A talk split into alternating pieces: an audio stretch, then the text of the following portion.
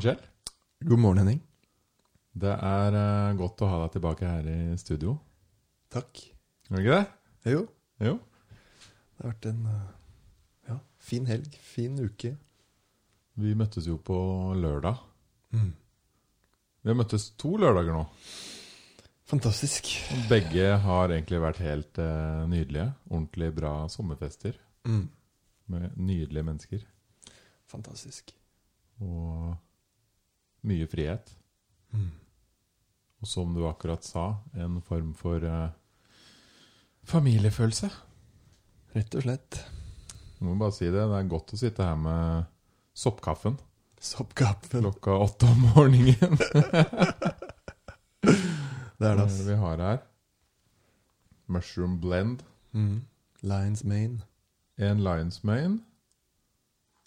Og den her ser ut som bare inneholder alt. All sopp. Jeg tror ikke den inneholder all sopp, men uh, Skal vi se Shaga, reishi, cordyceps, shiitake, maitake.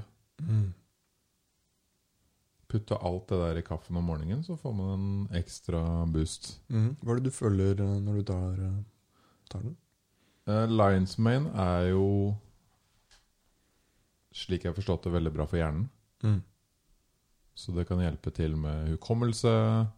Det kan hjelpe til å mm, forbedre fokus. Mm. Uh, disse andre her tror jeg er veldig bra for uh, immunforsvaret. Å ha masse ja, vitamin C uh, Forskjellige. Jeg tipper at de forskjellige har forskjellige typer egenskaper. Mm. Og så føles det jo ganske naturlig og digg da, å ta litt sopp i kaffen, og ikke, ikke Sukker. piller eller sukker. ja, eller sukker. Mm. Ja, man må bytte ut sukkeret med sopp. Ja. Ja. Boom. Life hack. så starter man morgenen med det. Ja. Og hva annet skjer om dagen? Vi driver jo og tar en eh, DNA-test. vi. ja. Nå skal vi sende inn uh, DNA-et vårt. Vi skal sende DNA til USA. Mm. Rett og slett. Hva, hva tenker du om det? tenker uh, Jeg er jo veldig spent på hva jeg kommer til å lære, da. Mm. Det er det, er det, det jeg gleder meg mest til. Så jeg, tenker jeg jo litt på det å gi over eh, DNA-et sitt, identiteten sin, eh, i ja, den minste formen eh, jeg veit om. En signatur av deg selv. Så da, når du sender det over til en tredjepart, så tenker jeg at ja, f.eks. kan markedsføre eventuelt medisiner eller eh, noe sånt noe som eh, Hva er det verste som kan skje? hva er det verste som skjer? Det er at uh, DNA-et mitt kommer på avveie og havner et sted de ikke skal havne. Jeg veit ikke. Det er, eh, er det mange rare fantasier jeg kan komme på, men jeg tror, jeg tror jo ikke at det, det skjer. Men er bare Det er litt eh, Jeg vet ikke hvorfor jeg har, tenker det. At det er for at jeg har sett på for mye CSI, eh, Investigation. Science-serier. Hvor, hvor jeg har sett at DNA-et til noen har blitt brukt på et årsted som eh, Jeg hadde ikke lyst til at eh, DNA-et ditt dukker opp i rumpa på en død hore i, i New York. Men det har jeg ganske mye kontroll over, sånn i utgangspunktet, at det ikke skal skje. Men, men når du sier det, så, så hadde det kanskje vært worst case scenario. Ja, noe sånn. ja. Det hadde vært ganske kjipt. Uh, ja. hva vil du få ut av det, da? Den andre på, La oss snakke litt om godsida. Hva er det vi Mm. Hvorfor gjør vi det her? Jeg kan jo bare snakke for meg selv, men jeg har lyst til å få mye mer um, det, detaljkunnskap om ja, hvor, hvor kroppen min er, og um, hva, hva slags spesielle tiltak og hensyn jeg trenger å ta i forhold til min egen helse, um, som ikke er så lett å se på overflaten. Da. Um, Mer sånn langsiktig mer sånn langsiktig. Uh, også at jeg kan spare meg for tid, da. Hvis jeg kan få vite mer i dybden om hva slags omega-3-opptak uh, jeg har. Um, ja, om det er noen fare for eh, sykdommer i fremtiden som jeg kan ta ekstra tiltak til nå, da. Um, og gjøre noen naturlige tiltak før det blir et, eh, et problem, f.eks. Mm. Mm. Hvis du finner ut at eh, du har stor sjanse for å få en type kreft, da, Mm. hva kommer du til å tenke da? Da går jeg jo ned i eh, rabbit hole, som jeg alltid gjør, og så ser jeg hva jeg kan finne. Det er jo um, Jeg har jo hatt erfaring med, med kreft i nær familie, så jeg har Mm. gått igjennom kanskje det som fikk meg inn på å liksom elske coaching, da. Mm. Um, for å finne det um, Det var da min mor som uh, vi oppdaget at hadde blodkreft. Mm. Og da gikk jo jeg ned et rabbit hole uten like, og bare for å finne um, alle de naturlige løsningene som man kan ta på sin ende, da, så at man ikke trenger å vente til at legen skal frelse deg. Så det ville jeg gjort med meg selv også. For jeg, tar, jeg vet jo at jeg kommer til å dø en dag. Det er ikke noe overraskelse. Men ved å ta en DNA-test, så ser du nok uh, mange måter du har muligheten til å dø på, og så kan du tette igjen sprekkene um, før det er for seint. For det er, jo, det er jo ignoranse som gjør at um, vi går på mye smeller.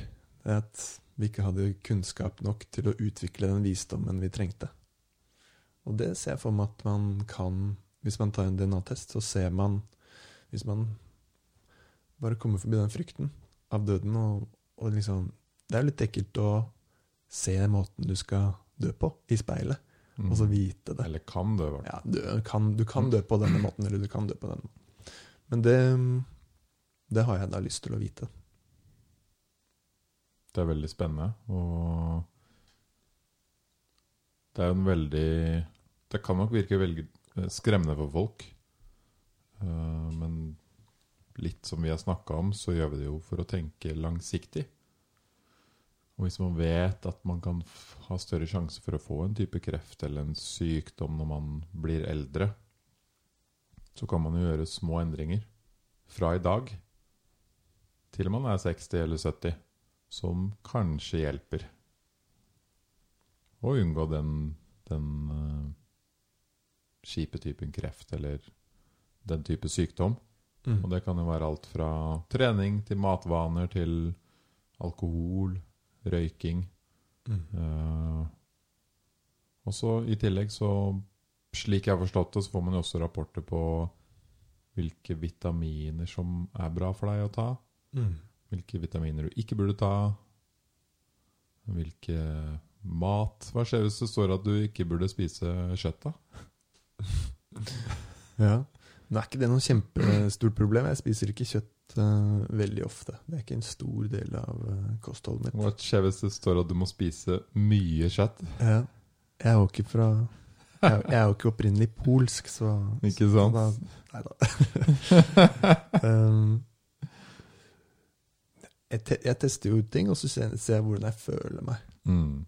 Liksom har fokus på Ok, nå introduserer jeg mer av det her. Hvordan, hvordan føler jeg meg nå? Sjekker inn med det. Man kan skrive matdagbok, eksempel. Ja. Og DNA, når du har tatt en DNA-test, så kanskje det er veldig sånn at du får en veldig struktur på hvordan du skal sette opp den prosessen. da. Ja, nå skal jeg introdusere det her denne uka her. Ja, det, er jo, det er personlig utvikling å bringe bevissthet til det du gjør, Mm. og intensjon. Jeg hørte om en veldig god måte å lage en form for matdagbok, i hvert fall. Mm. Eller han, det, det han sa var viktigst, var å lage en sånn Do not fucking eat-bok. som betydde at eh, når du spiser det, og du rett og slett må legge deg på sofaen etterpå, så setter du det på lista. og så veit du at eh, spiser jeg det Ok, nå er det lunsj på jobben på tirsdag, og de har lasagne. Det er jo superdigg, ikke sant? Men hvis jeg går og spiser det nå, så er det, da er det halvkoma i Mm. to timer etterpå. Ve- Hvetekoma. Mm. Og poenget hans var begynn å lage den lista. Uh, og så sier han jo ikke at du ikke skal spise det. Men det er liksom litt mer tanke på når du spiser det. Mm. Det er forskjell på en, en lørdagskveld med et glass vin og en lasagne. Mm. Hvor du skal ligge i sofaen etterpå. og en, eh, en tirsdag klokka 11 på jobb, hvor du sluker i deg en uh, halvkilo lasagne. Da går energien din ganske fort ned. Mm. Så det kan være smart å ha en sånn eh, dagbok, og etter hvert da vil du jo lære hva du får energi av, og hva som tar energi fra deg. Det er viktig. Mm.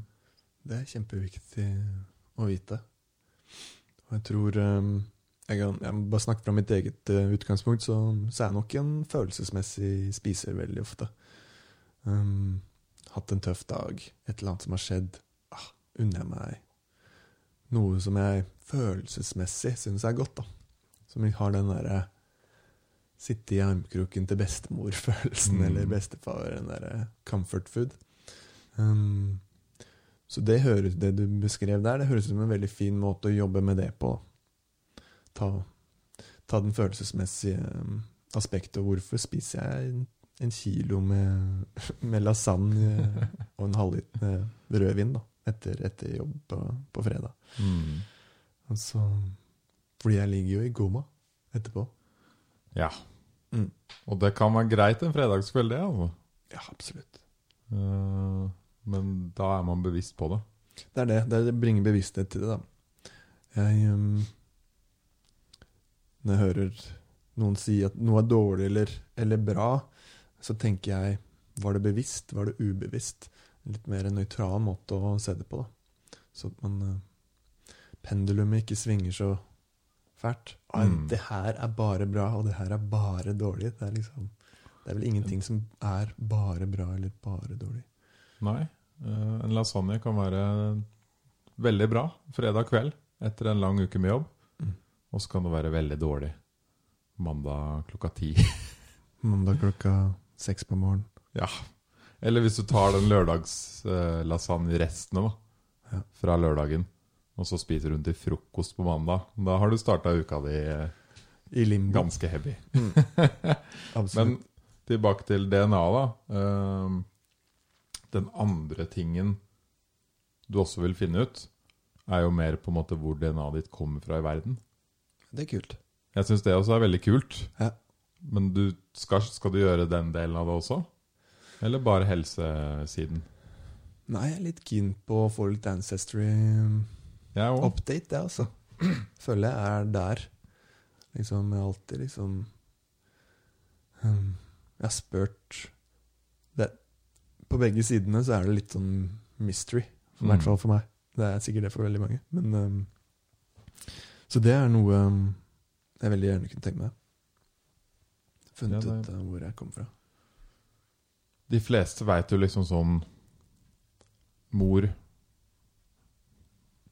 så mormor, og så ett ledd til. Mm. Og så stopper det jo ofte. Du har ikke gravd så veldig mye mer etter det, eller Du veit kanskje ett ledd til, men, eh, men det, det er veldig kult å prøve å finne ut liksom, hva er lenger opp, eller hva er lenger bort.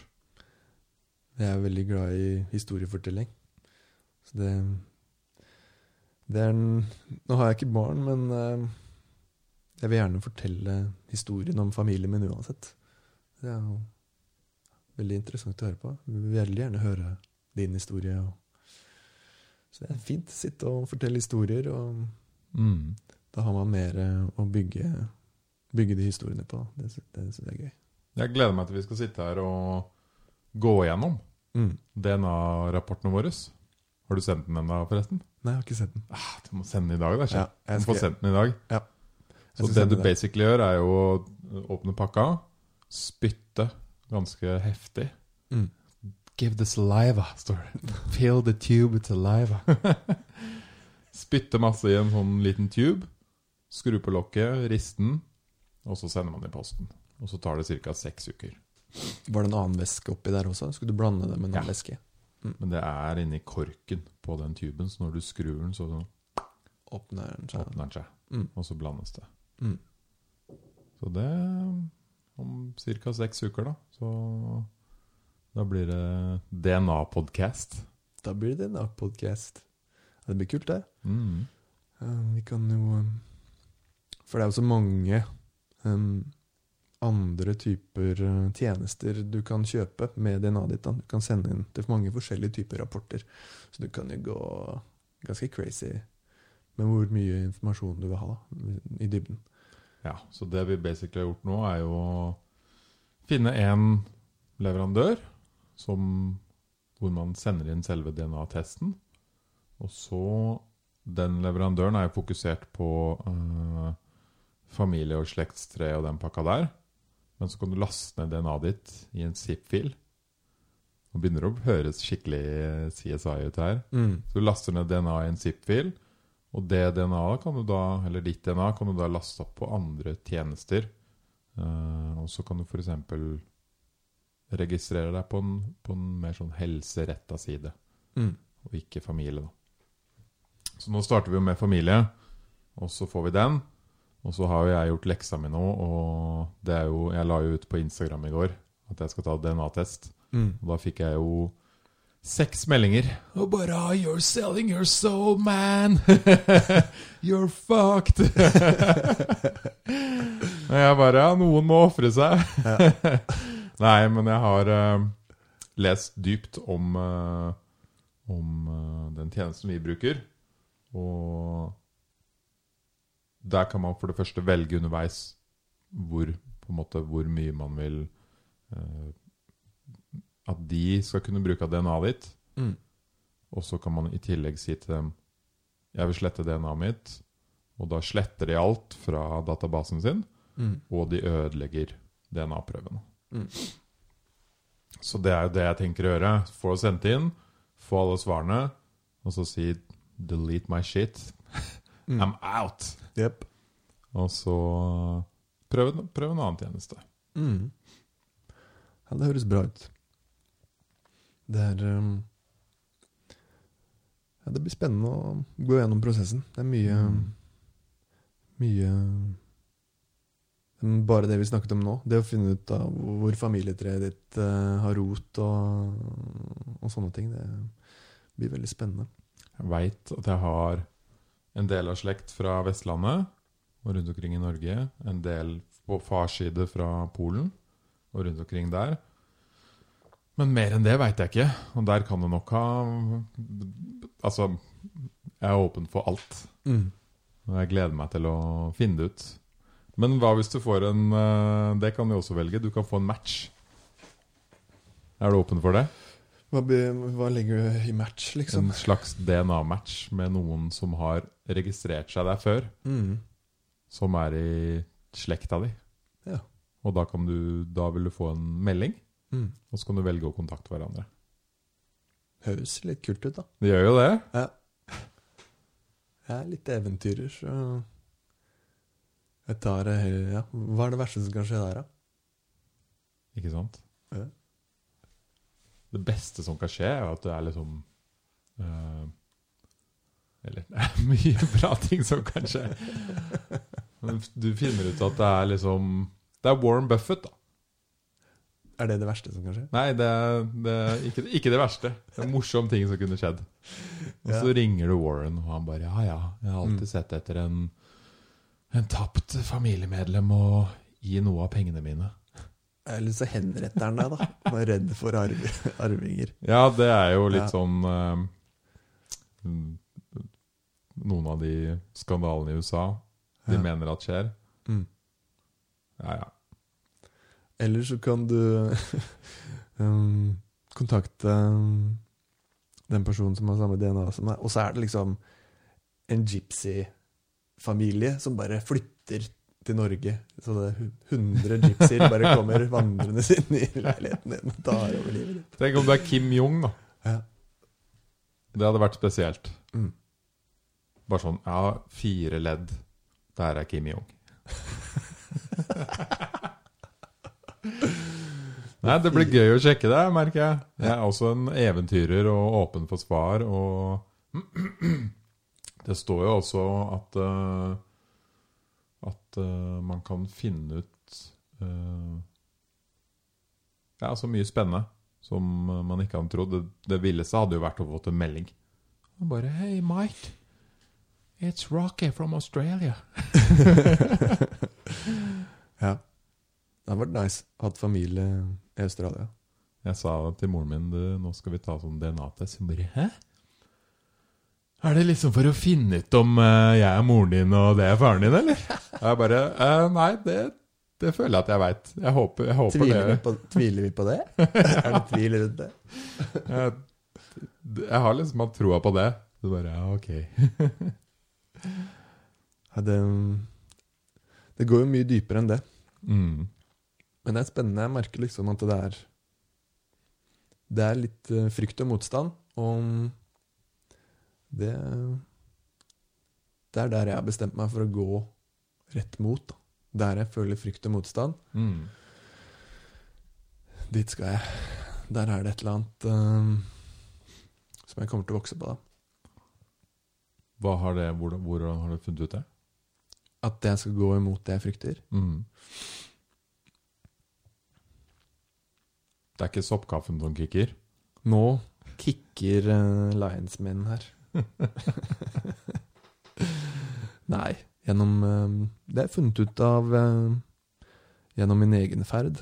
Um, kan jo gå Jeg vet ikke hvor langt tilbake jeg skal gå, men um, når jeg lærte meg å gå gjennom det jeg frykta, så fikk jeg det mye bedre på andre sida. Mm. Og jeg lærte veldig intenst når jeg gikk gjennom hva skal vi si, den ilden. Ilddåp. Um, Har du et eksempel på en frykt du jobba deg gjennom og kom ut som en bedre mann? ja, det Det var en periode jeg var uh, Slet mye med depresjon og angst. Og da var det store forandringer eh, som skulle til, da. Um, det å liksom Bare det å gå til uh, psykolog og snakke om uh, de dypeste tingene som foregikk inni meg, som jeg ikke hadde gjort med noen før. Ikke ekskjærester, ingen. Lagt helt opp på det. Så da opplevde jeg masse motstand og masse frykt, og så gjorde jeg det. Selv om. Og på andre siden, nå er jeg jo et nytt menneske, og det er en opplevelse som jeg absolutt ikke ville vært foruten. Ikke sant. Um, det var noe jeg ikke forsto hvorfor jeg trengte å gjøre engang. Um, men den kunnskapen bearbeida jeg mens det foregikk. da. Det gikk Mm. opp lyspære på lyspære på lyspære. Um, og hadde jeg hørt på frykten, så hadde jeg jo ikke gjort det. Da hadde jeg jo begravd meg i arbeid eller festa eller gjort ting som um, gjorde at jeg kunne ta tankene mine vekk fra det som jeg frykta. Så ja, dette her, det å sitte og snakke med et publikum som hører på, det også var noe som jeg kjente, kjente frykt på. Mm. Hvorfor skal jeg sitte og snakke på podkast, liksom? Hva har jeg? Hvorfor, er, hvorfor skal jeg gjøre det? Mye sånne stemmer inni hodet mitt som ikke jeg har lyst til å høre på, egentlig. Så da må jeg bare trosse dem. Man har jo alltid den eh, Den lille djevelen på den ene skulderen og den lille engelen på den andre, holdt jeg på å si. Som begge snakker til deg. Og spørsmålet er hvem av de man skal la ta kontroll. Hmm. Og det er som du sier, jeg har jo også kjent mange som har vært i ganske dyp depresjon og klart å til slutt komme seg til f.eks. en psykolog. da. Og i den depresjonen så var nok det en veldig stor frykt å gå dit. Og ble nesten sett litt ned på for dem, virka det som. Mens alle rundt heide jo på det, ikke sant? Og det var jo kun den lille djevelen på, på skulderen som sa at det var eh, noe galt. Eh, der holdt du fascinerende inne et nys, Kjell. Det hørte ingenting. Men eh, så kom de til, til psykolog, og så ble det bedre i livet. Det er jo mange, mange sånne ting i livet. Du møter mange vegger. Du må klare å reise deg opp.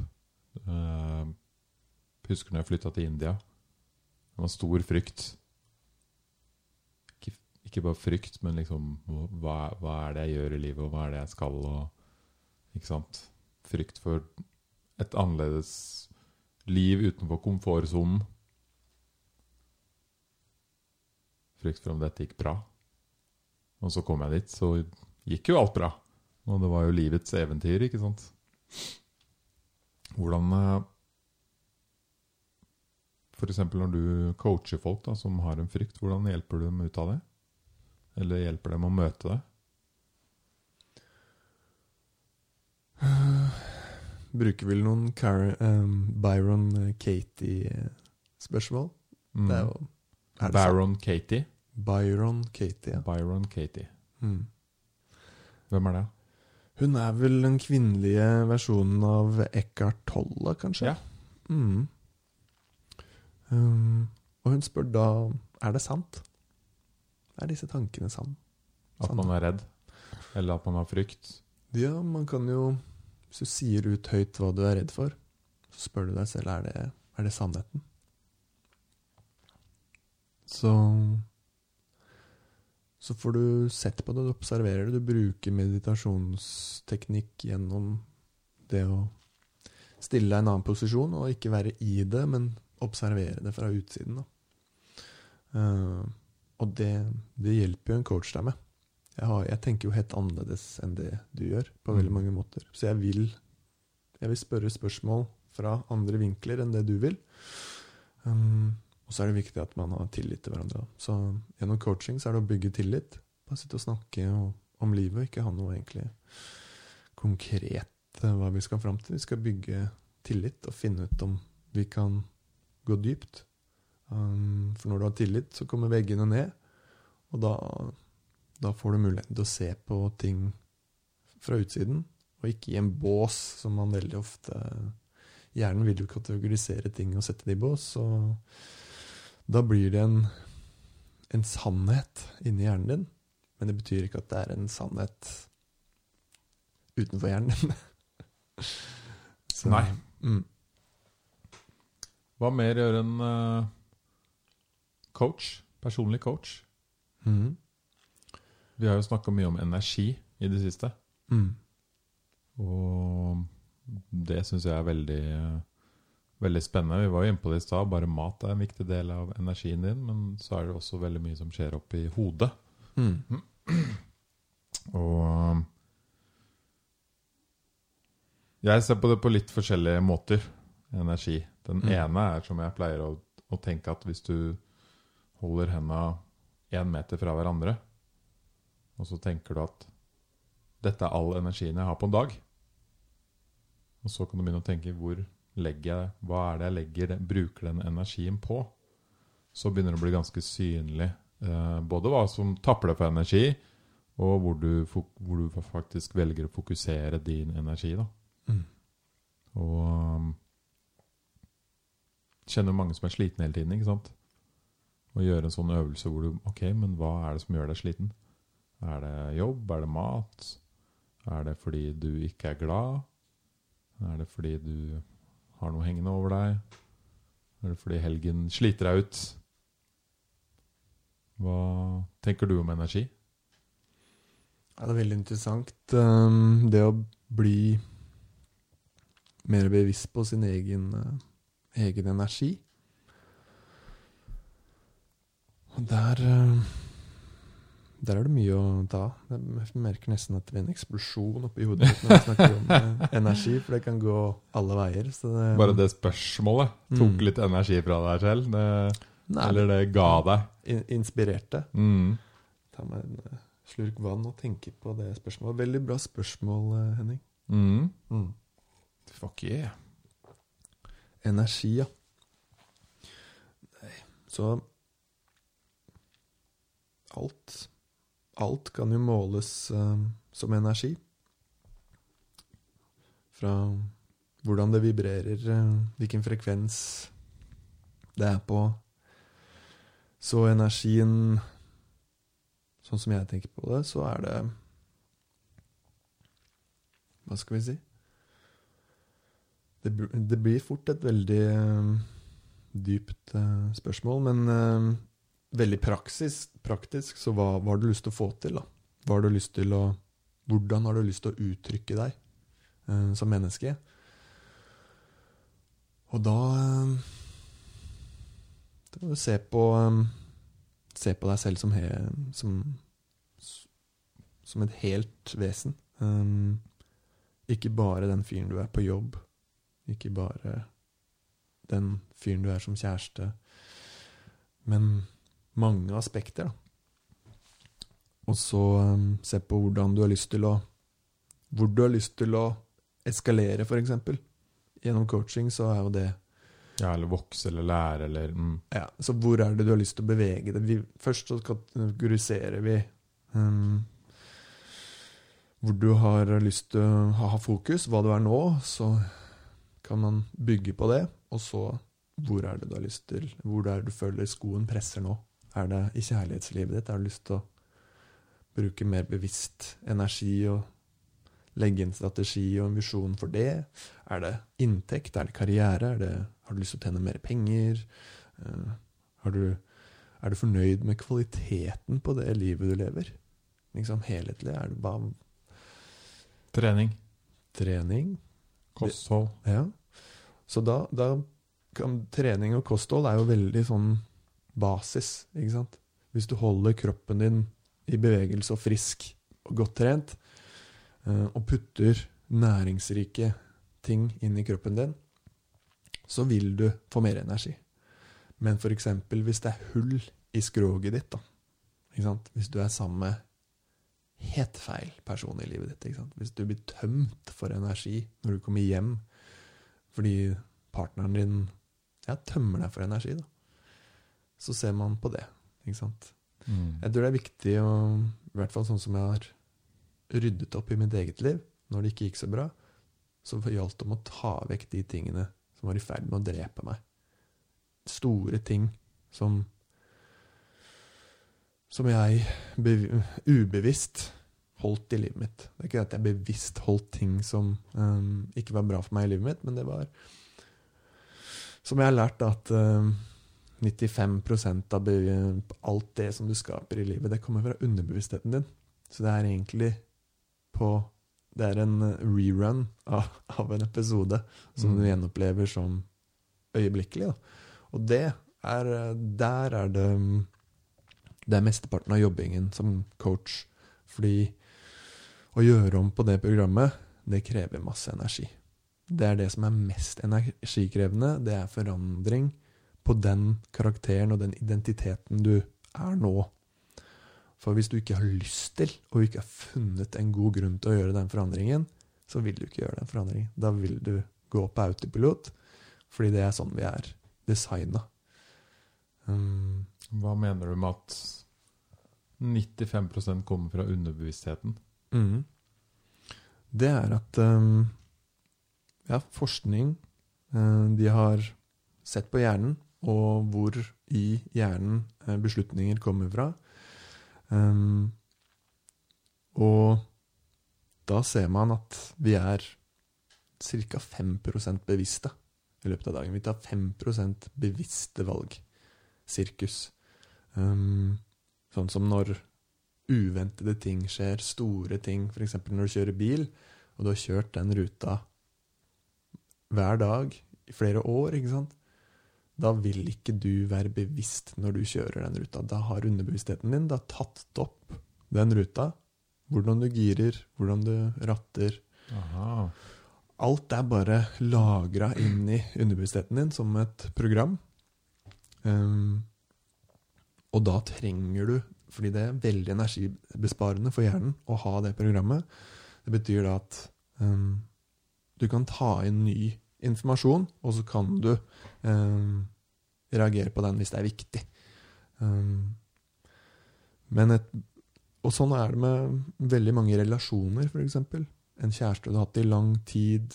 Um, så vil det være et handlingsmønster der. Og det handlingsmønsteret kan være bygd på hvordan du forholder deg til moren din. Um, så det er mye programmer inni hjernen um, av uh, naturlige årsaker. Energibesparende. Um, og det er veldig energikrevende å gjøre om på. Ja. Så, De underbevisste tingene man gjør hver dag, Ja. er vanskelig å endre på. ja, jeg liker ikke å si vanskelig, men det er energikrevende. Ja. Så du må, Du må ofre litt. du må finne noe som er en veldig god eh, generator for energi, for å gi energi til den prosessen. Mm. Um, for hvor du hen, hvis du da ikke har sett på energibruken din i løpet av ja, Nå er jeg 37 år gammel. Hvis du ikke har sett på det før da, så kommer man til å få en del epiphanies. da. Det kommer til å gå opp for deg. Å ja, shit. Oh, ja. Ah, det er det som sliter med Det er det som sliter med det. mm. Og det er bare starten. For det å vite om det, mm, det betyr ikke at du kommer til å gjøre noe med det. For da Nei. Nei. Du må finne en god nok grunn. En som er kjempestor, faktisk. Du må finne noe som kan gi deg energi for å gjøre den forandringen. Og det må være større enn deg selv. Tror du det er derfor folk får uh, midtlivskrise, eller? De finner plutselig ut at uh, Altså, de får tid til å tenke en dag, og så Ah, faen! Det er det der som har plaga meg de siste 15 årene. Det kan godt, uh, godt være. at man kommer ut av den derre Det jeg ofte ser, er at eh, vi er så vant med stressnivået vårt at det er helt normalt. Og når du lever i høyt, høyt stressnivå i livet ditt, hvis du ikke får slappe av hjemme, hvis du ikke får noe ro på jobben, hvis du ikke får ro noe sted, så er du inne i et nervesystem som gjør at du da frigjør all energi i muskulatur og i kropp. Det betyr at du tømmer lagrene dine helt. Et batteri, du skal jo egentlig ikke tømme et batteri helt. Du skal ta det ned til ja, Blybatterier og litiumbatterier er annerledes, men du skal ikke tømme det helt, da, for da tar det veldig lang tid før du får lada det opp igjen. Mm. Så det gjelder det å Veldig mange tar batteriet ned til under 20% Og da er du inne i rød sone i energinivåene dine i kroppen din, for det tar så mye energi for å lade opp og føre energi tilbake inn i muskulatur, inn i lever. Det krever veldig mye, men hvis du da hadde spist 20% av det, og da hadde 80% lager, da, så ville de 20 blitt fylt opp veldig kjapt. Mm. Så det gjelder da å finne en måte hvor du kan gjøre 80% av arbeidet ditt i livet ditt Mm. på 20% av energien i kroppen din. 80-20-regelen. Og det er en kunstform. For det har vi ikke lært. Veldig mange tømmer 80 av energilagrene sine for å gjøre 20 av arbeidet. Og da er det ofte fordi at de 7 er tunge ting, da. Eller vanskelige ting. Kan være det. Ja, i hvert fall hvordan du gjør det, er tungt. Hvis du, la, hvis du da tømmer 80% av batteriene dine, så er det tungt. Da gjør du det veldig tungt for deg selv. Da. Hadde, du brukt 20, hadde du bare brukt 20% av batteriet ditt, så hadde det føltes ut som en lek, nesten. Hvordan kan folk få bedre kontroll på energien i livet sitt? Mm. Da må man begynne å spørre de vanskelige spørsmålene, kanskje. Stille spørsmål som eh, Er dette riktig menneske jeg bor med? Eller de store spørsmålene. Ting som eh, Men eh, kanskje ikke nødvendigvis begynne der. Så jeg anbefaler å bestille en coachingtime. Mm. Hvis du har kommet til det punktet, hvis du kommer til en coach og sier du, jeg har lyst til å se på energibruken min. Jeg har lyst til å bringe bevissthet til hva jeg bruker energi på, og kartlegge det. Um, men da spør jeg er du klar for å gjøre forandring. Er du, hvis, vi- hvis vi kommer opp med at du må gjøre ekstremt store forandringer i livet, er du klar for det?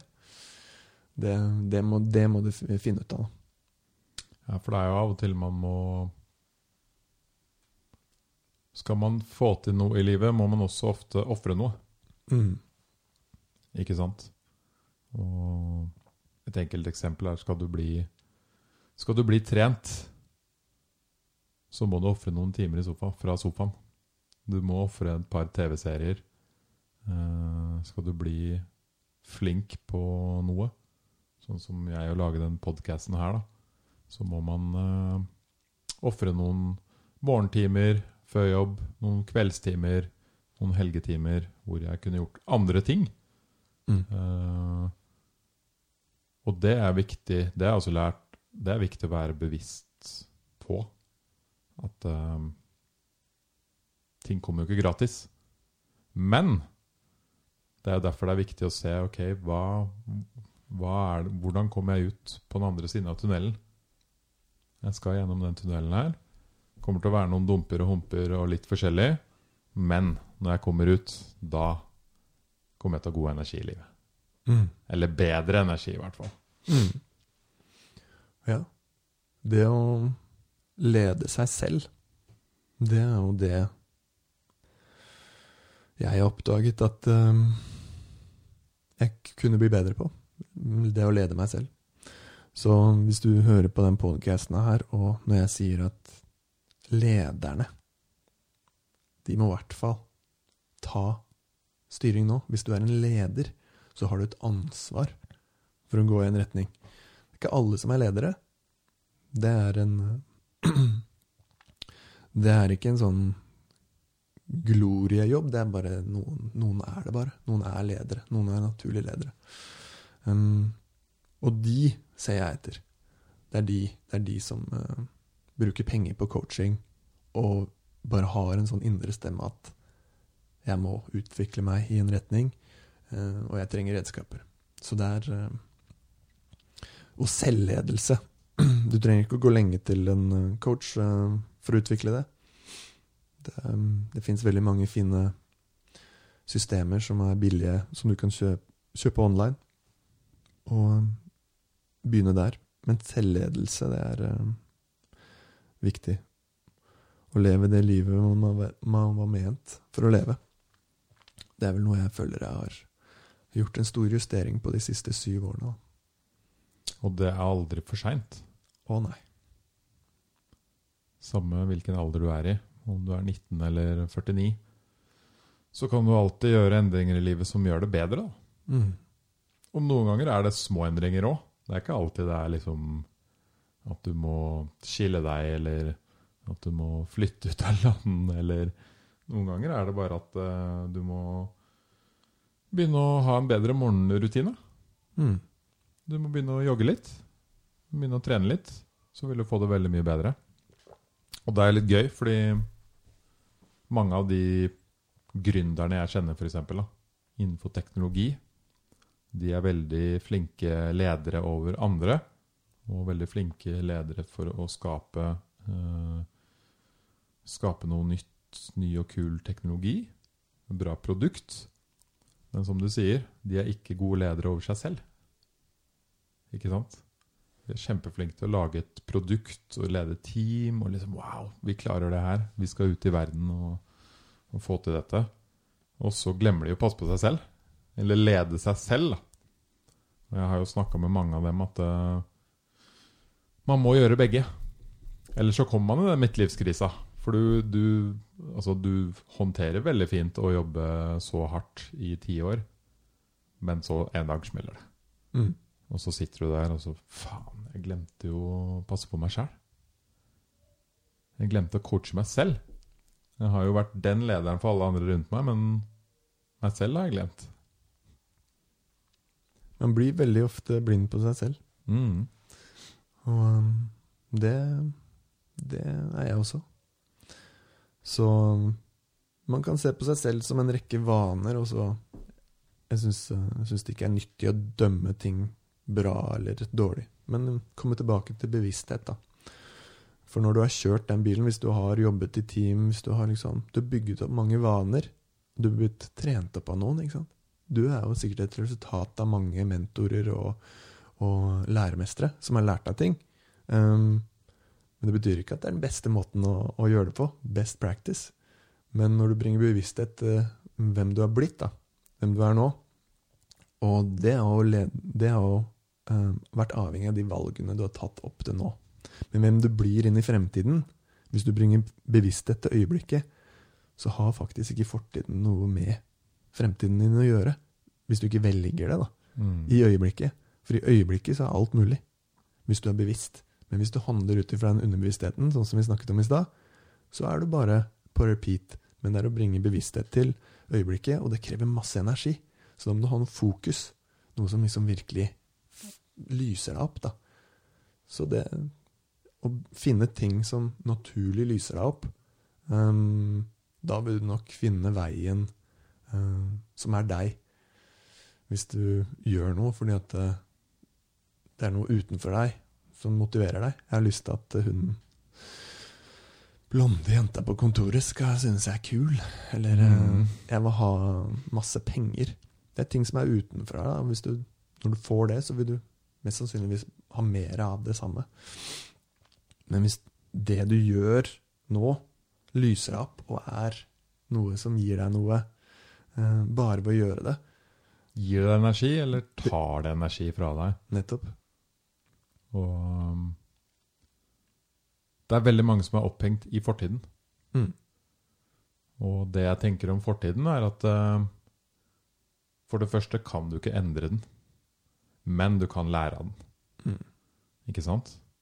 Så hvis du hele tiden skal sitte og tenke på for, «Å, faen, det jeg gjorde der var feil, og jeg er så lei meg for at det skjedde for to år siden, og den dama jeg hadde for fem år siden, det, hun skulle ønske jeg var med enda, og, og det jeg gjorde i det forholdet der? Hvis du sitter sånn hele tiden, så blir du ganske smågal og angstfull i, i huet. Mm.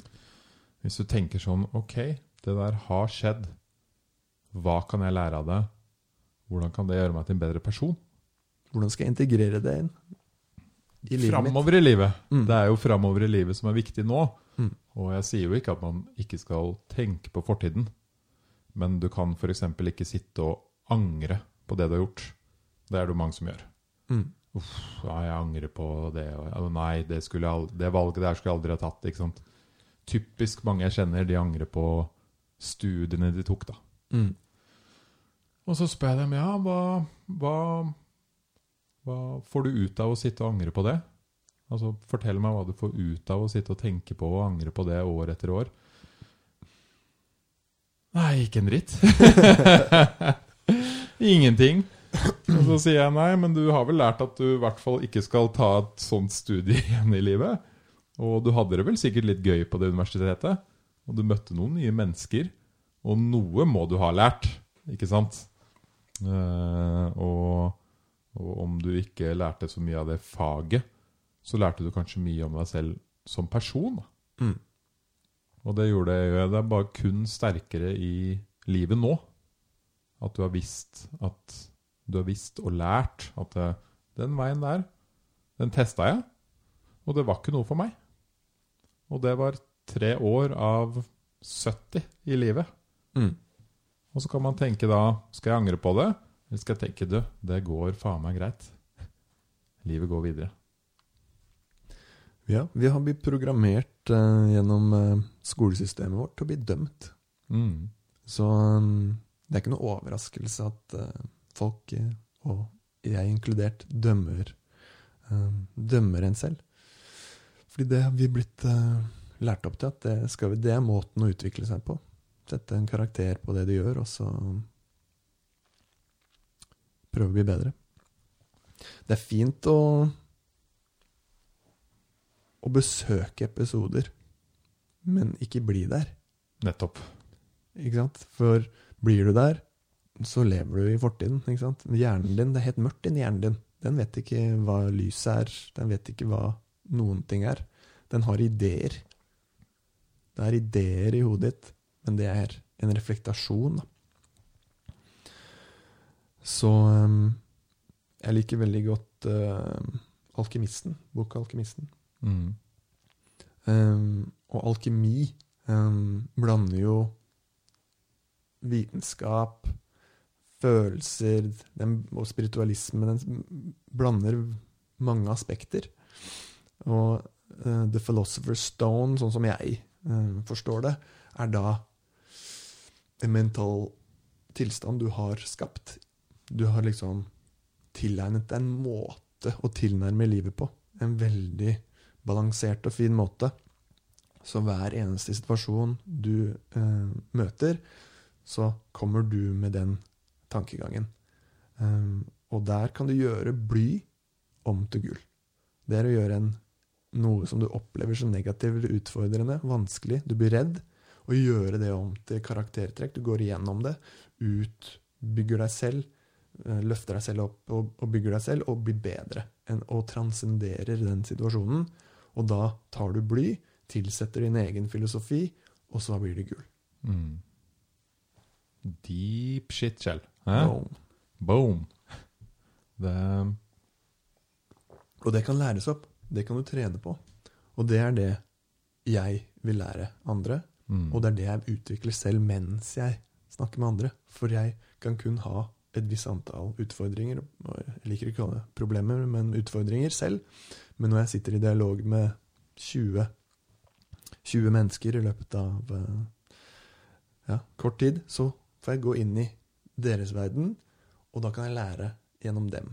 For det er akkurat den samme filosofien som du tilnærmer deg situasjonen. Det er veldig interessant. Uh, hadde jo også Nils Powell her tidligere på podkasten. Sånn super, super treningsdude. Mm. Og spurte han om trening, og da Det som var utrolig kult å høre fra han, det var liksom Det handler ikke om treningsprogrammet. Det er det lette å finne ut. At du skal trene fire ganger i uka og gjøre det og det og det. Fem ganger fem, åtte ganger fire, et eller annet sånt. Det er lett, ikke sant? Det handler om deg selv, motivasjonen bak. Hvorfor vil du det her? Å tenke langsiktig, ikke sant? Hvilken person vil du bli?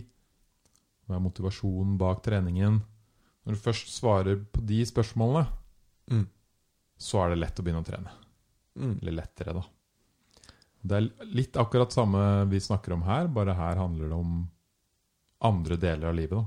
Mm. Ikke sant? Energi, motivasjon, komme seg ut av depresjon, unngå den krisa midt i livet ditt, eh, stille seg selv dype spørsmål. Og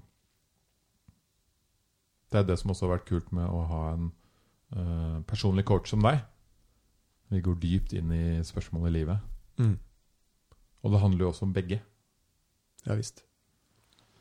Vi vil utvikle hverandre. Mm. Det er eh, Det er det som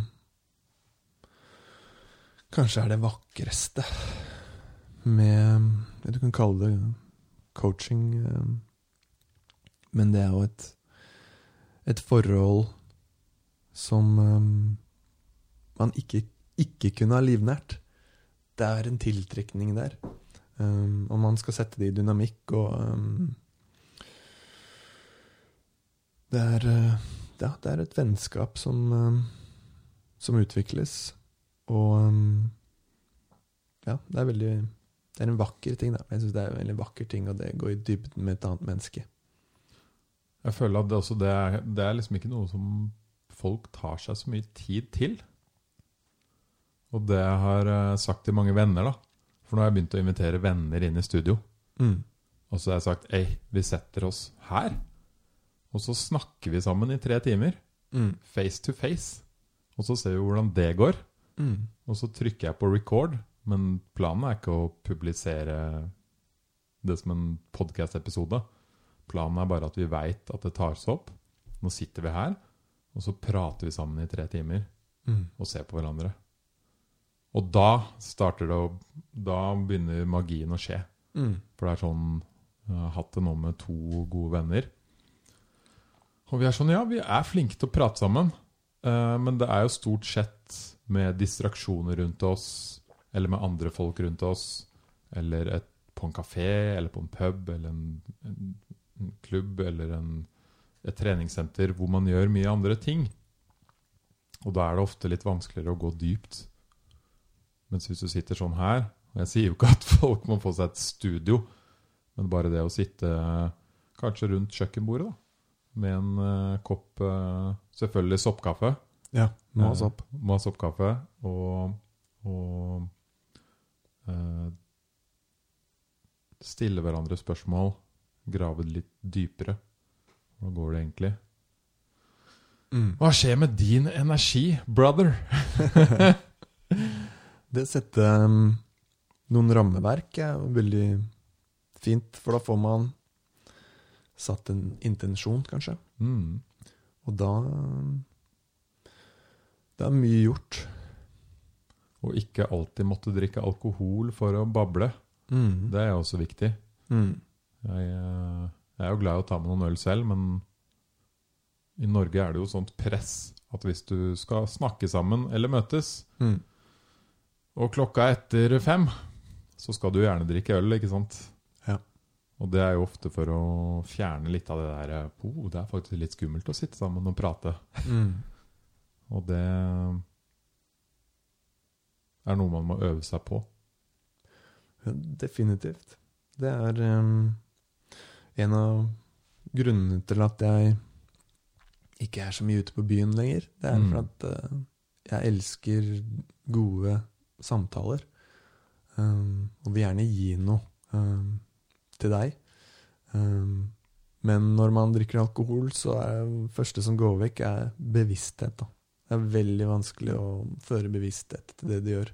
Blir det veldig mye på autopilot. Så Så um, kvaliteten eh, Det blir kvant, det blir mange ord, men kanskje ikke så mye kvalitet over det. Og det er ingenting galt med det. Jeg mener ingenting galt med det.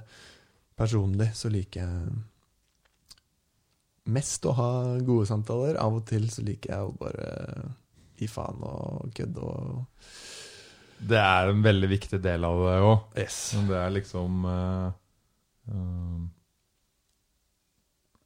Ikke la det være alle samtalene med dine gode venner. Ikke sant? Uh, møtes, eller sånn som vi gjør nå, klokka åtte om morgenen av og til. Mm. Og ta en kaffe og sitte hjemme. Og liksom Du, nå tar vi en god samtale her. Mm. Og så kan vi ta helgesamtalen òg. det går fint, det. På fylla på en klubb. Det er helt konge, det også.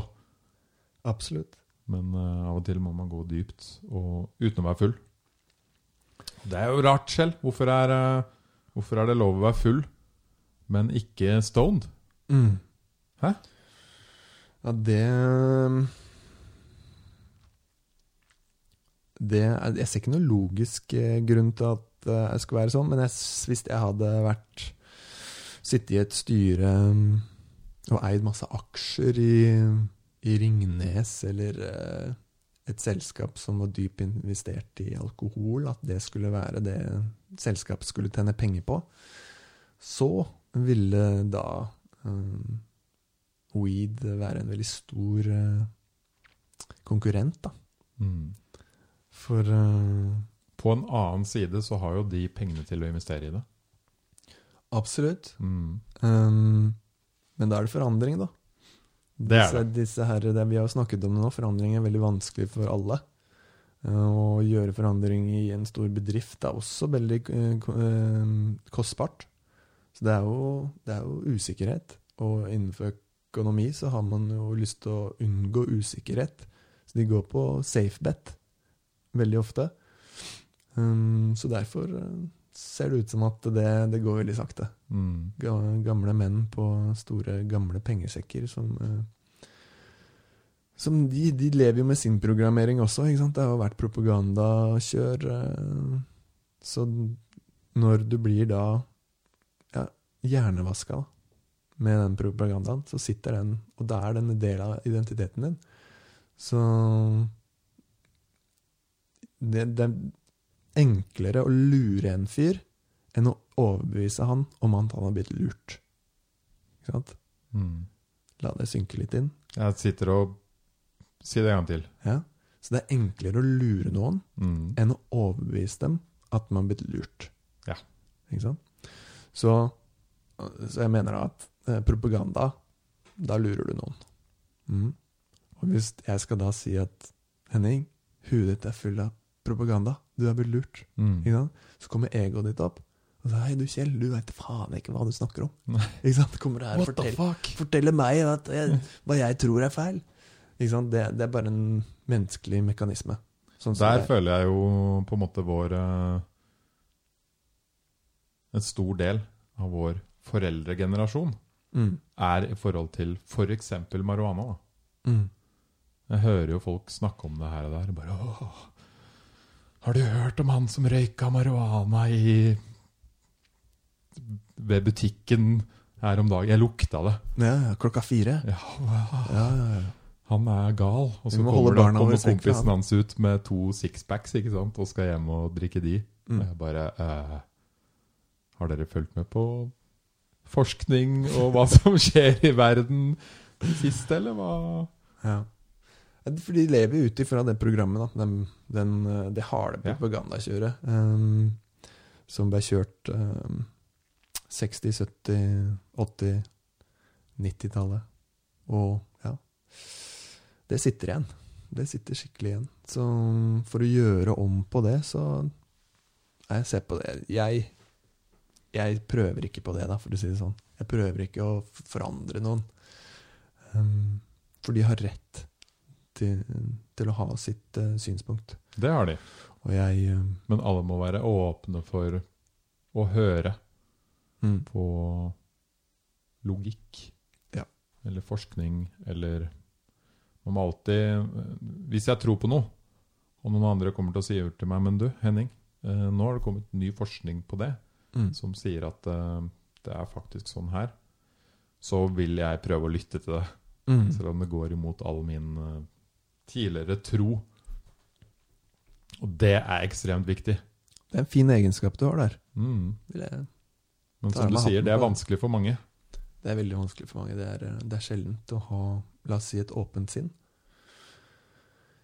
Um, Det, det Det er mange forskjellige grunner til at uh, man har et uh, åpent sinn, men eh, det er mye vanligere å ha et lukket sinn, for det tryggere, rett og slett. Det er kjempetrygt. Mm.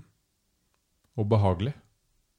Mm. Og energisparende. Veldig energisparende. Det er energisparende, den skitten der. Det er det. Mm. Boom. Der, eh, nå, nå kommer vi noe sted her. Mm. Men tror du f.eks. sånn som marihuana kommer til å bli legalisert her? I Norge? Mm. Hva jeg, om jeg tror det? Ja, hvis de riktige folka tjener penger på det. Det er akkurat det jeg òg tenker. Mm. Man ser jo, Jeg ser jo på USA, Mm. og der har det blitt legalisert i mange stater nå. Og da tenker jeg ja, det er fordi de vil ha penger i de statene. Mm. En stat gjorde det, og de bare wow, nå fikk vi inn mye skattepenger. Mye mer enn forventa. Mm. Hm, da skal vi også hive oss på. Og så hiver vi oss på. Så hiver vi oss på. Blir det grønne penger og ikke svarte penger? The green cash. The Green cash. Det grønne gullrushet har det blitt kalt, har det ikke det? Jo. Mm. Ja, jeg um, Jeg er veldig, veldig fan av um, marihuana. Mm. Mm, jeg er veldig fan. Det, er, um, det har jo gjort meg underverker. Jeg begynte jo dessverre av feil grunner. Jeg ville liksom flykte fra uh, virkeligheten typ når jeg var tenåring, for jeg hadde det veldig kjipt. Så, så det, det tjente meg. Um, nå så det, hjelper det meg med å ha god appetitt og være veldig avslappa i kroppen. Mm. Mm. Veldig god medisin. Jeg liker er å spise det. det. er ganske stor forskjell fra det og alkohol. Mm. Det er sånn Dagen etter du har vært på ordentlig fylla, Mm. så skjønner du alltid hva alkohol egentlig gjør med kroppen din. Mm. Det er jo en, en Det er jo poison Det er gift. for kroppen. Det er gift for kroppen. Mm. Dagen etter man har uh, røyka eller spist marihuana, Mm. så føler du deg egentlig ganske bra. Det kan være litt eh, mer avslappa og kan føles ut som du trenger en ekstra kopp med, med kaffe. Men Mm. ehm, det, det er ikke Det er ikke ehm, vondt i kroppen. I Tror du det hadde vært annerledes Du sa at du prøvde av feil grunner når du var ung. Mm, Hvis det hadde vært lovlig på den tiden, mm. hadde det vært noe annet da? Er det fordi det var litt ulovlig og litt sånn eh, Undergrunn? Var det liksom noe av det grunnen til at du prøvde det? Tror du det? Eller? Um, ja, det, det er et godt spørsmål. Um, det, er, det er ikke hva Det er vel ikke det at jeg røyka uh, weed som, uh, som definerte meg, men var litt sånn hvordan jeg gjorde det. det var, jeg skamma meg, jeg gjemte meg, jeg ville bort fra ja, masete foreldre, kjipt på skolen. Så det var liksom var hvorfor jeg gjorde det. Mm. Altså, intensjonen bak det var jo flukt og, og skam og, og mye negative følelser. Eh, hvis det hadde vært lovlig, eh, og jeg kunne liksom spist eh, en cookie sammen med moren min, så tror jeg nok eh, det hadde vært eh, mye bedre at jeg ikke måtte ut av hjemmet for å gjøre det. Jeg gjemte jo meg i skogen. Ja. Det er jo ikke en bra ting mentalt for et ungt menneske å føle at de trenger å gå og gjemme seg i skogen. Ikke sant? Det, jeg får litt vondt inni meg um, når jeg tenker på det. Jeg vil jo ikke at det skal skje med et annet un, un, ungt menneske. Det, uh, det, det er jo ikke det at jeg valgte å røyke marihuana, men jeg hadde ikke redskapene til å, til å pleie meg selv på noen annen måte. Um, så, så, så det marihuana i seg selv er, ikke, det, er ikke noe, det er ikke noe galt der. Det er som en vanlig plante som vokser på bakken. Den, den har Hva skal vi si beroligende effekt på hjernen. Og det, det blir jo som å bli holdt i armene til moren din. Bli vugga litt. Mm. Eh, Den følelsen eh, er der. Mm. Ja, det er eh, Det blir jo spennende å følge med framover hva som skjer. Mm. Og jeg tror at det er ekstremt mange som liksom sitter hjemme og røyker av og til, men holder det skjult. da. Mm. Og det kommer man nok til å se hvis det blir legalisert. Så kommer man i en middag, og så sier folk du, jeg tok ikke med vin i dag, jeg tok med weed i dag. Mens nå er det mer sånn skjult. Og bare, det, er litt, det er skummelt, det er skummelt. Og det, det blir jo sånn Mm. når noe er ulovlig. Ja. Det gjør jo det. Mm. Og det er jo veldig synd, som du sier. Da må man gå rundt og gjemme seg og, og holde litt skjult og føle skam Mm. for at man bruker en sånn plante fra naturen. Er seg selv. Du er jo deg selv. Mm. Hva du gjør med din kropp og dine behov, det er jo ditt ansvar å ta vare på det. Så nå er vi voksne mennesker. eh, og så lenge ikke jeg skader noen andre, mens jeg tar vare på meg selv, så syns jeg burde få lov til å putte det jeg vil inn i kroppen min. Og det er en diskusjon som er moden for eh, ja, at vi tar eh, i plenum. Og det kan jo også være veldig skad skadende for unge folk, Mm. på samme måte som alkohol. Mm. Det er ikke bra å putte i seg for mye weed heller når du er ung. Nei. Det kan gjøre mye ting med hjernen din. Mm. Hodet ditt Hodet er ikke ferdig utvikla. Mm. Det er ikke sikkert det er klar for uh, å begynne å røyke marihuana. Og i tillegg så finnes det jo veldig mye sterk marihuana nå. Det er ikke som før. Nei. Nå er det liksom blanda og straina og blitt supersterkt. Og, Mm. og jeg tror hvis det hadde vært lovlig, så hadde jo den personen som i dag kommer på ungdomsskolen og forteller hvor, eh, hvor eh, kriminelt det er å ta og røyke marihuana, hadde heller sagt at eh, Vet du hva? På samme måte som alkohol, så er også marihuana veldig skadelig for dere når dere er så unge. Mm. Og dere må være veldig forsiktige med det. Og det kan føre til disse tingene. Mens i dag er fokuset at det er ulovlig. Ja. Mye. Og en som selger uh, weed på det svarte markedet og velger å bryte loven, hans intensjoner, det, det har man jo ikke. Så, så, så han vil sikkert Det at vi, vi, legger, vi legger jo et ansvar på de som skal selge det, det er helt klart. At Mm. det, det er viktig at eh, produktet er eh, bra, at, de informer, at informasjonen er god. Um, og hvis vi hadde rensa opp og gjort det lovlig, og satt det inn i system, så hadde det vært um, en viktig del av prosessen. Da. Men nå så er det Det er et sort marked. Sort marked, og det er det største markedet Mm. i verden. Og det er også en, eh, en, en god eh, tema for en podkast en dag. Kaste seg inn i det svarte markedet. For det er mye større enn det hvite. Ja, det er vilt. Eh, tilbake til eh, marihuana nå, tenker jeg jo også at eh, det å kunne heller gått på et weed-monopol, Mm. Dispensary. et dispensary i eh, Norge, og gått til en person som kunne det, Mm. og sagt som du Jeg vil eh, teste det her fordi jeg har mye vondt i hodet. Mm. Ja, da burde du prøve den typen. Jeg vil teste det her fordi jeg vil uh, bli litt mer kreativ når jeg maler. Ja, men du, da prøv den typen der. Mm. Eller jeg vil teste det der fordi uh, jeg er så vanvittig sliten om dagen, og jeg klarer ikke å koble av. Uh, Ja, men da prøver du å spise den greia der. ikke sant? Mens i dag så må du jo faktisk Det er sånn det hadde vært bra å ha det. Mm. Men i dag så må du faktisk ut, ringe en eller annen sketchy dude, eh, møte en eller annen person på gata et eller annet sted. Mm. Eh, du veit aldri hva du får, Nei. selv om de sier det, ikke sant? Mm. Så kan jo det være noen, noe helt annet. Mm. Og, og du får ikke akkurat de samme type valg, da. Du får ikke en kvittering, sånn at du kan komme tilbake og Klage. klage. Nei, det funker dårlig. Mm. Å fjerne den delen av det ville jo vært uh, utrolig bra. Mm. Og I tillegg så ville jo heller uh, Istedenfor at pengene ville gått til kriminelle miljøer, Mm.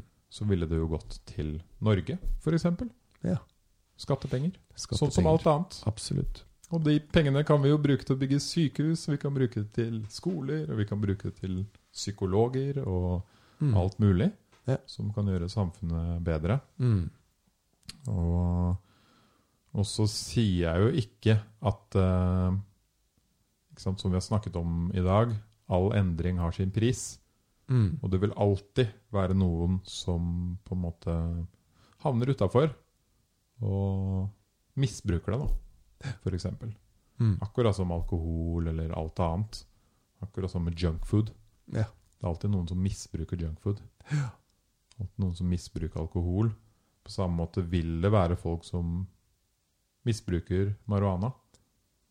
Så spørsmålet er liksom øh, øh, Ved å fjerne det sorte markedet, da, ved å gi folk gode alternativer, ved å gi dem et sted hvor de kan få gode råd og tips, Mm. er det bedre? Ikke sant? Helt klart ja. Helt klart, ja. og jeg håper på en måte det er den veien debatten går, da. Den Mm. siste tingen som er viktig her, er jo de ekstremt mye ressursene uh, det norske politiet bruker på der. Mm. På å løpe rundt og ta folk med en joint på gata. Gi dem en bot og, og liksom Ja. Da har vi brukt dagens fire av åtte timer på det. Mm. Eller ta han ene dealeren på hjørnet der som, som selger det her. Du kunne jo fjerna ekstremt mye eh, tid av hendene til politiet. Mm. Som de kunne fokusert på mye verre og viktigere saker. Ja. Har ikke noe å tilføye der. Nei. Jeg er enig. det er Lions Mane som kicker inn nå. Nå er vi på god glid her. Ja, det er veldig bra. Mm. Det er um, Ja, igjen dette energispørsmålet som vi snakket om i stad. Mm, Bruke 80% av ressursene sine Nå kaster jeg bare ut det tallet igjen, da. Mm. For å liksom gjøre noe som egentlig ikke har en sånn kjempeverdi. Liksom, hva er verdifullt for oss i samfunnet? Er det verdifullt at politiet bruker ressursene sine på disse menneskene ehm, som veldig ofte um,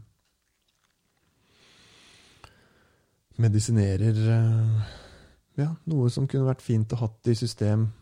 Hatt muligheten til å gå til psykolog istedenfor å røyke marihuana, eller hva nå enn. da. At, Mm. det, at det, det hadde blitt satt i system på å, å hjelpe istedenfor å straffe.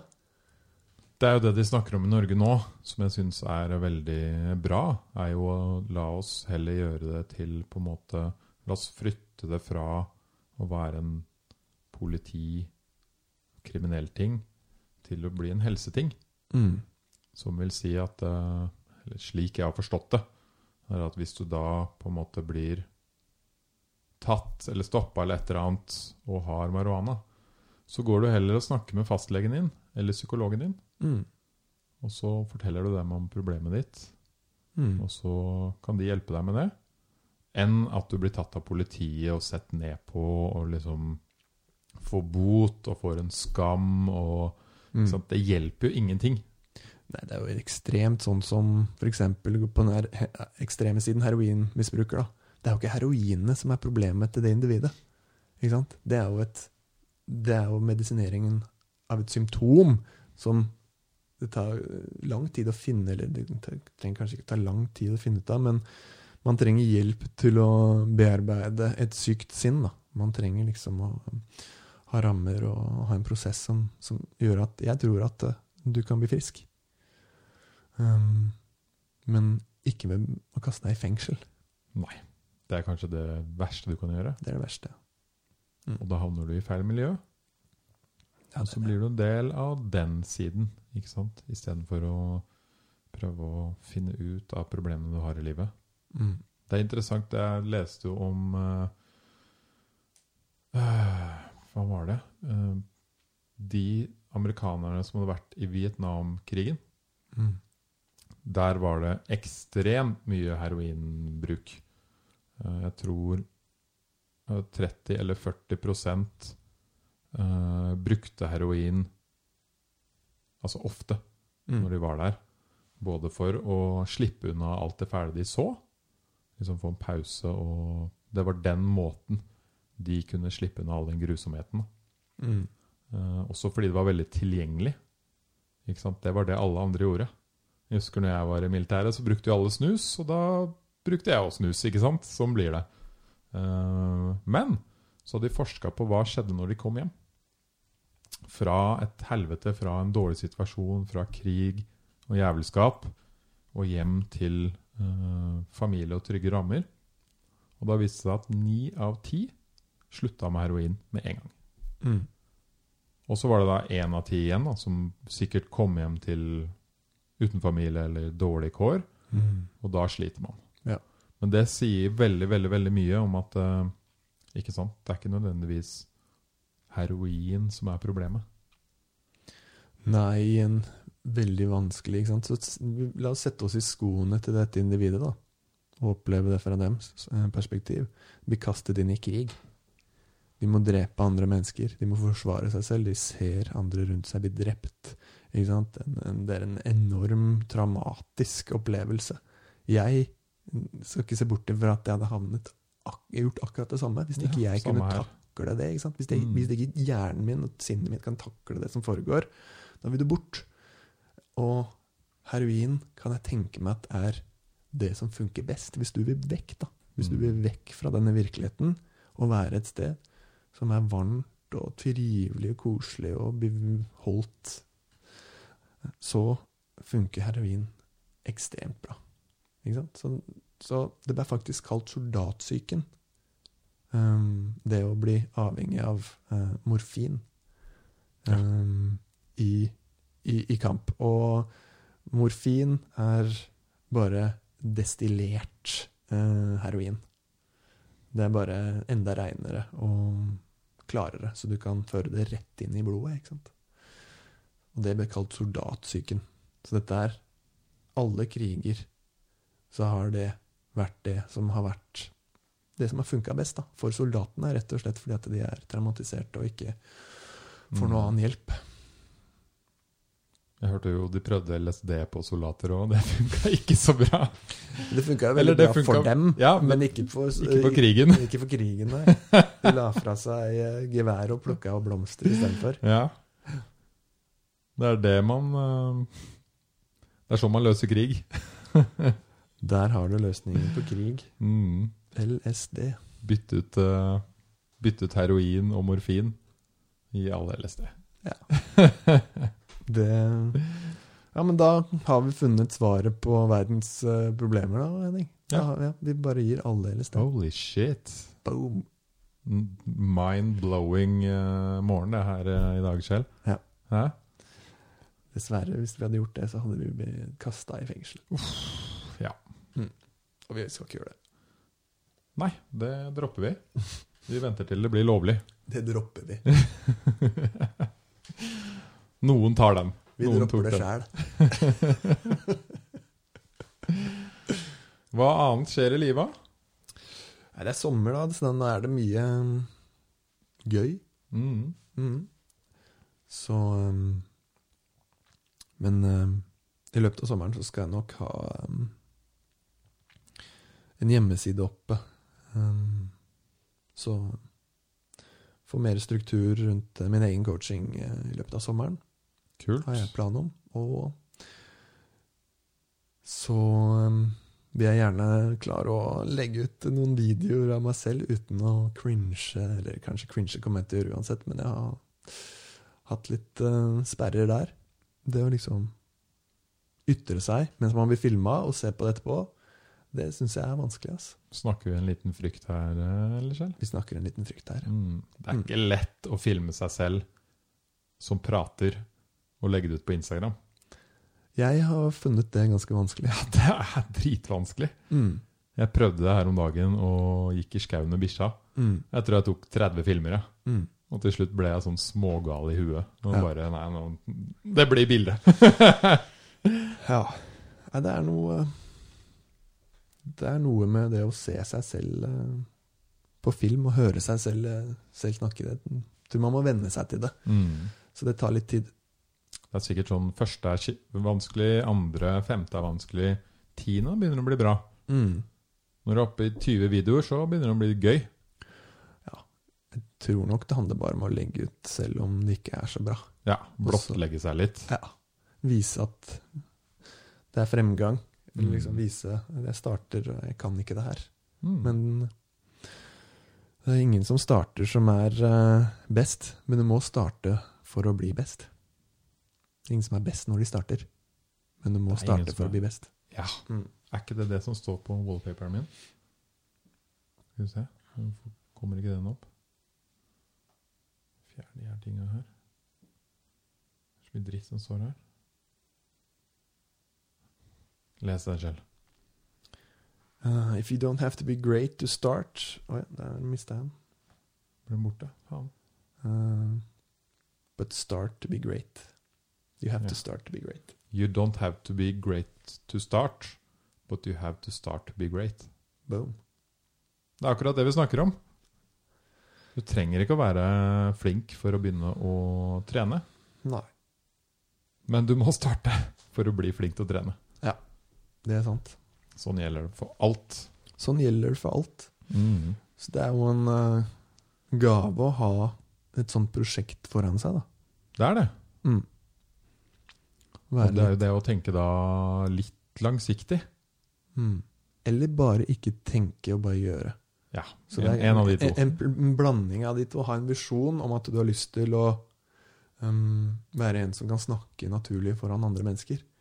Um, og så bare Nå bare skal jeg stå og snakke foran andre mennesker. Mm. Uten å For det er en sånn gyllen midtvei. Du må ikke tenke deg i hjel til du liksom til slutt bare sånn Å ja, nå har jeg tenkt et halvt år, men jeg har ikke gjort noe. Nei. På den andre siden så kunne du uh, starta med en gang, og så tenkt hele tiden underveis. Kunne hatt et halvt år med progresjon Ja. gjennom å gjøre. Um, så det, det, det du beskriver der, det er en av mine utfordringer. Jeg har, liker kognitivt å kaste ballen, eh, men kan bli låst der. Jeg leser om et, Jeg tror det var i den Deep Work-boka. Jeg er ikke helt sikker. En veldig bra bok, forresten, som heter Mm. Deep Work. Som handler om hvordan man får tilbake konsentrasjon. Eh, Jeg, jeg mener det var der. Men Og der- vel, veldig fokus på den moderne verden vi lever i nå, da. Mm. Med alle de distraksjonene som vi har. For det er ekstremt mye distraksjoner. Det kunne vi også ha snakket om en dag. Ja. Alle distraksjonene. Og Ja. hvordan håndtere det. Men der hadde de i hvert fall øh, øh, delt en kunstklasse i to med fotografer. Og så hadde de sagt til den ene delen øh, dere skal ta så mange bilder dere kan det neste halvåret. Og så skal dere se hvordan, hvordan det blir på slutten, da, og velge ut noen bra bilder. Til den andre halvdelen så sa de dere skal ta veldig få bra bilder i år. Ikke sant? Ta, så, ta veldig, veldig få bilder, men ta de veldig, veldig bra. Hvilken, klass, hvil, hvilken del ble best, Kjell? De som Den første. De som tok mange, Ja. ikke sant? Mm. Fordi forskjellen der var at den ene delen, da, ta det først de som skulle ta få bilder, de brukte ekstremt mye tid på å tenke, lese liksom teorier, lese opp på bilder, redigering, sette opp ting, vente på den perfekte solnedgangen, og ta det ene bildet av og til, ikke sant? De som tok masse bilder, de lærte hver dag. De, hadde, de lærte å utvikle seg selv hver eneste dag. Og de endte opp med å få veldig mye bedre bilder på slutten enn de som tok få. Og det er litt det vi snakker om nå. Mm. Den prosessen. Mm. ikke sant? Så her har du den ene gjengen som gjør noe mye og lærer. Og så har du den andre gjengen som uh, er mer sånn uh, lese mye og ikke gjør så mye. Mm. Tenke mye, men ikke faktisk gjøre. Og de utvikler seg mye tregere. Mm. Ja, det hørtes ut som en fin oppskrift for å gjøre forandring i seg selv. da. Originals var det jeg hadde lest det. Den Mm. boka som heter Originals. Den handler også om hvordan man skal være Gjøre noe originalt. da. Mm. Tenke litt ut av boksen. Og be beskrive veldig mange sånne eh, entreprenører. Hvordan de har lagd en idé som var ganske lik mange andre, men de tenkte litt utafor boksen. Mm. Og da var det blant annet hvordan, hvordan kan du utvikle deg for å tenke ut av boksen? Jo, du må prøve mye Mm. og finne din vei. Jeg må, ta- jeg må ta masse podcast-episoder og utvikle meg selv. Og finne meg selv i podcasten, ikke sant? Hadde jeg sittet og tenkt på den podcasten her fram til jul, så hadde jeg bare sittet med masse masse teorier og tanker og masse notater. Og liksom Ja, men nå, nå veit jeg ikke hvor jeg, hvordan jeg skal begynne engang. Kanskje du hadde blitt veldig angstfull og bare droppa det. Mm. Fordi det ikke ga deg noe glede.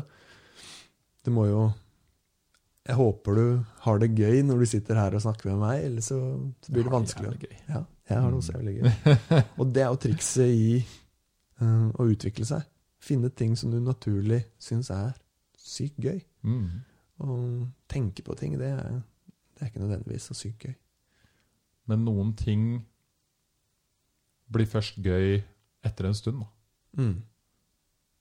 Det syns jeg er viktig å vite. Ja. Det er liksom uh, Jeg tror jeg kommer til å like uh, trening. Hvis man ikke er en person som trener, Mm. så har man kanskje en teori om at man kommer til å like trening. Mm. Men det tar tid å begynne å like, ikke sant? Ja. Um, men igjen, uh, jeg er veldig glad i å spille basketball. Mm. Og gå bare og stikke ned på løkka, spille med de som er der. Det syns jeg er dritgøy. Ja. Det er litt kjipt når man kjenner at kroppen ikke var det den en gang var, eh, og sånne ting, men, men etterpå så har jeg masse endorfiner, jeg har trent. Så det å finne trening som du syns er gøy, for det er utrolig mange måter å, å, å trene på. Det er nesten ikke noen begrensninger. Um, det å gjøre det på treningsstudio, det å gå til et sånn cookie cutter-sted, um, det er ikke nødvendigvis den beste måten. Finn en Kanskje du liker å klatre. Kanskje prøve nye ting, da. Mm. Prøve nye ting til det sitter. Jeg ser for meg en sånn ja, sopp som liksom bare beveger seg rundt i, i naturen helt naturlig. Den, liksom, den har ikke noe hjerne, men den har innøvd en måte å bevege seg på som Mm. er veldig sånn naturlig. Da. Så finn, utvikle en måte som er naturlig å bevege seg på i ditt eget sinn, men også i verden, som er veldig naturlig for deg. Eh, og da kommer vi tilbake til det selvledelse. da. Ikke nødvendigvis gjøre sånn som han, kjendisen på TV, liksom. Men vær kjendisen sjæl. Vær kjendisen sjæl. Mm. Vær, vær ditt eget ikon. Ja. Mm. Og alt det du gjør, er perfekt. Mm. Og du lærer hele tiden. Du lærer hele tiden. Vokser hele tiden. Vokser hele tiden. Så bruk din energi. Tenk over din energi, og bruk den der du vil. Mm. Vit hvem du er. Mm. Kjenn deg Dude. selv. Oh, dude! oh, dude! Og vær deg selv ja. uten begrensninger. Når du kjenner deg selv, så Det er livets gave, det er å kjenne seg selv. Det er derfor jeg føler jeg er her. Det er blir kjent med meg. Mm. Og jeg blir veldig godt kjent med meg selv når jeg gjør ting som er utfordrende. Ja. Mm. ja, hvis du hele tiden er komfortabel, så blir du ikke så veldig mye mer kjent med deg selv. Men da er du den programvaren som er i underbevisstheten din. Mer og mer. Du er bare det samme og det samme og det samme. Da. Det er veldig trygt og Mm. energibesparende. Mm. ja, det er det. Ja. Ok, Kjell. Uh, denne frokostdaten her har jo vært helt fantastisk. Ikke at vi spiser frokost, noen av oss, men, uh, men uh. Soppkaffe. Ja. Ja, ja. Soppkaffe og vann. Mm. Boom! Boom. Jeg kjenner at det er en start på dagen man, eh, man eh, burde ha. Ja. Jeg har lagt ut bilde av det på Instagram hvis noen vil sjekke hva vi, hva vi sitter her og koser oss med. Og neste gang du kommer, så er det DNA-episoden. ass. Det er DNA-episode. Det blir spennende.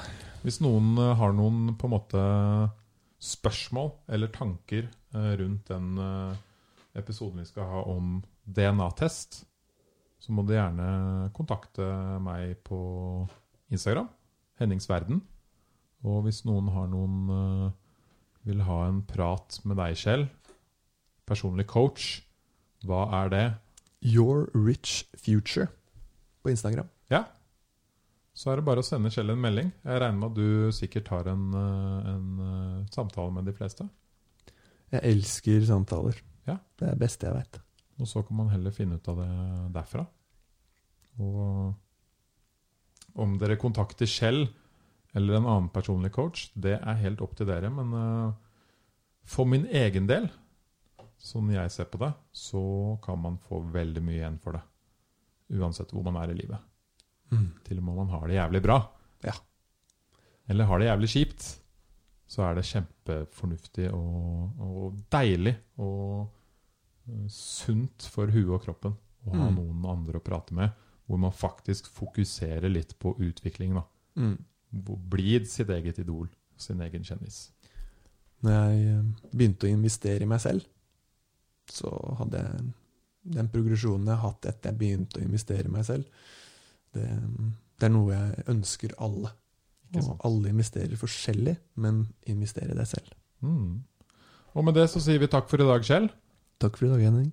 Ta gjerne og sjekk oss ut på Instagram. Og øh, hvis du likte denne episoden, så blir jeg superglad hvis du skriver en liten, øh, en liten review eller legger igjen en kommentar.